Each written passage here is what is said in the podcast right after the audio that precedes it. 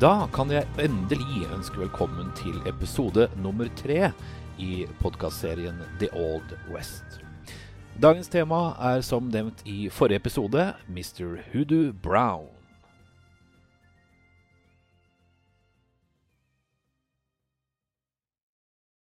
Han var altså kjent som Hoodoo Brown, denne herremannen, men eh, navnet hans var egentlig Hyman G. Neal. Men ikke det som ble skrevet på gravstenen hans når han endte sine dager. Men det skal vi komme litt tilbake igjen til. Han er beskrevet uh, som en lang og tynn herremann med lyst hår og en framtoning som stråler av masse selvtillit. Ja, og så hadde han en syltynn bart.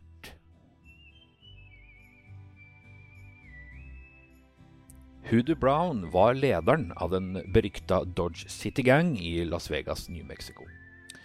Storhetsperioden hans uh, i denne gjengen da, det var i 1879 og omtrent midtveis inn i 1880-årene. Hyman han kom fra en god familie i Lexington, Missouri, og en relativt tradisjonell familie. Neils pappa var oppvokst i Lee County, Virginia. Uh, vokste opp der da i 1830-åra. Uh, i, I Lexington så jobbet uh, faren til uh, Hyman, altså vår egen Hoodoo Brown, som advokat. I oppstarten av borgerkrigen eh, ble faren en del av konføderasjonen. Altså konf Amerikas konføderate stater var en eh, slags ikke-anerkjent konføderasjon av utbryterstater fra de forente amerikanske statene. De, eh, konføderasjonen den eksisterte fra 1861 og fram til 1865. Konføderasjonen ble opprinnelig dannet av sju slavestater i de nedre regionene av USA. Så da, I oppstarten av borgerkrigen ble han eh, som sagt da, en del av konføderasjonen. Eh, men han kunne ikke i sin villeste fantasi fortsette med det i og med han hadde avlagt en ed som advokat i forhold til The Constitution. Så han endte til slutt opp med å slåss for uh, unionen, da, som var imot eh, disse slavestatene. Han ble til slutt uh, major, og pga. valget han tok, og hans kones tidlige død, så flyttet da faren til uh, Hoodoo Brown, hele familien, til Warrensburg, Missouri, rett etter uh, krigen.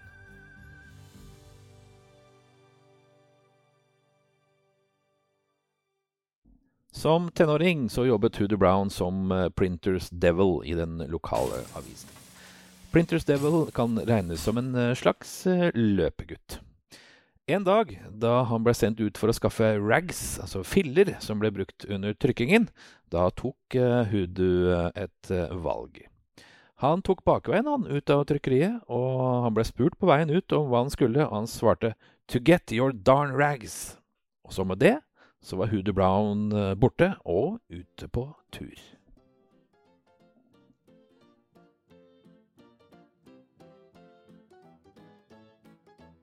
Hoodoo glad og fornøyd, og forsvant av gårde inn i solnedgangen, han, fra trykkeriet og jobben sin som Printers Devil.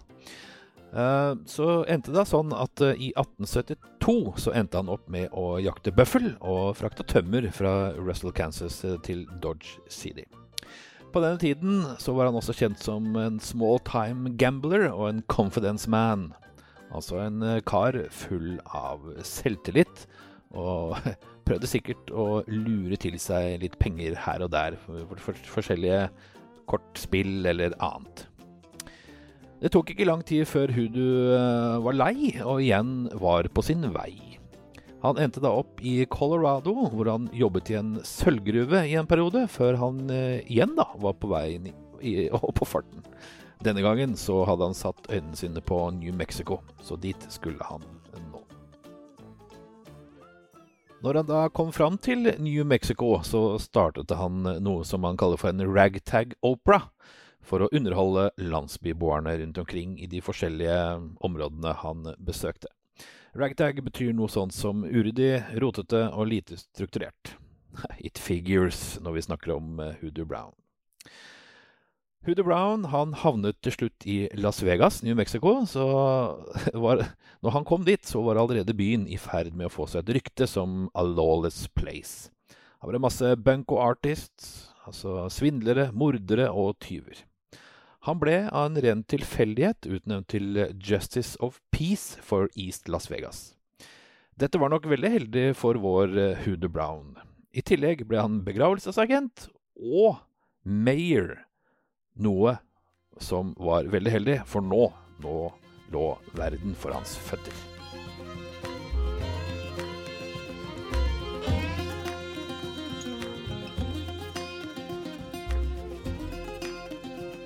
Hoodoo Brown han samlet raskt en gjeng med tidligere gunfighters fra Kansas og dannet med dette det lokale politiet. Eh, disse nye peace officers kalte han eh, for Dodge City Gang. da. Og her har vi nemlig starten på denne gjengen. Eh, de begynte å følge opp nyankomne som kom på stasjonen f.eks. Kanskje de hadde noen ekstra dollar i lomma. Ikke umulig. Disse som var med i Dodge City Gang, var bl.a. JJ Webb. Han var da The Town Marshal. Og så har du Mysterious Dave Mather, Joe Carson og Dirty Dave Rudebaugh. Dette er også kjente personer fra den gamle historien om The Old West. Fra 1879 og godt inn i 1880 ledet han altså denne gjengen. De robba tog, stagecoaches, mord, tyverier og korrupsjon var deres daglige virke.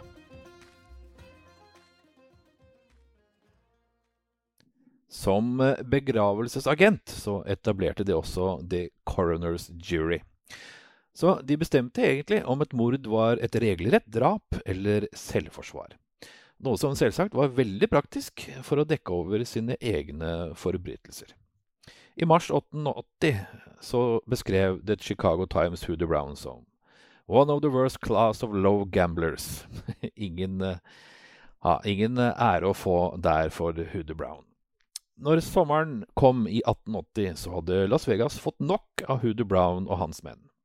De samlet et gjeng eh, med vigilantes, som de kalte det den gangen. Lov og orden var sjelden vare, så vigilantes påberopte seg å håndheve lov og moral. Uttrykket stammer for øvrig fra spansk og betyr private sikkerhetsagenter. Ja, anyways.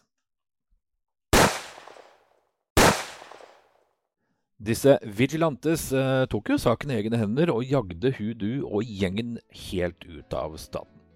Det sies at Hudu hadde stjålet en haug med penger av en død mann rett før han eh, prøvde å flytte til Houston i Texas. Og når han da var på vei til Texas, så ble han rett og slett arrestert og satt i kasjon.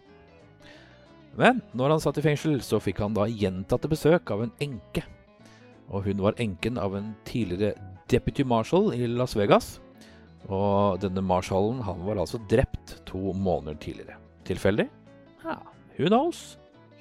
I avisen The Parsons Sun sto det The meeting between the pair is said to have been affecting in the extreme and rather more affectionate than would be expected under the circumstances. Ja, dette er ganske mistenksomt.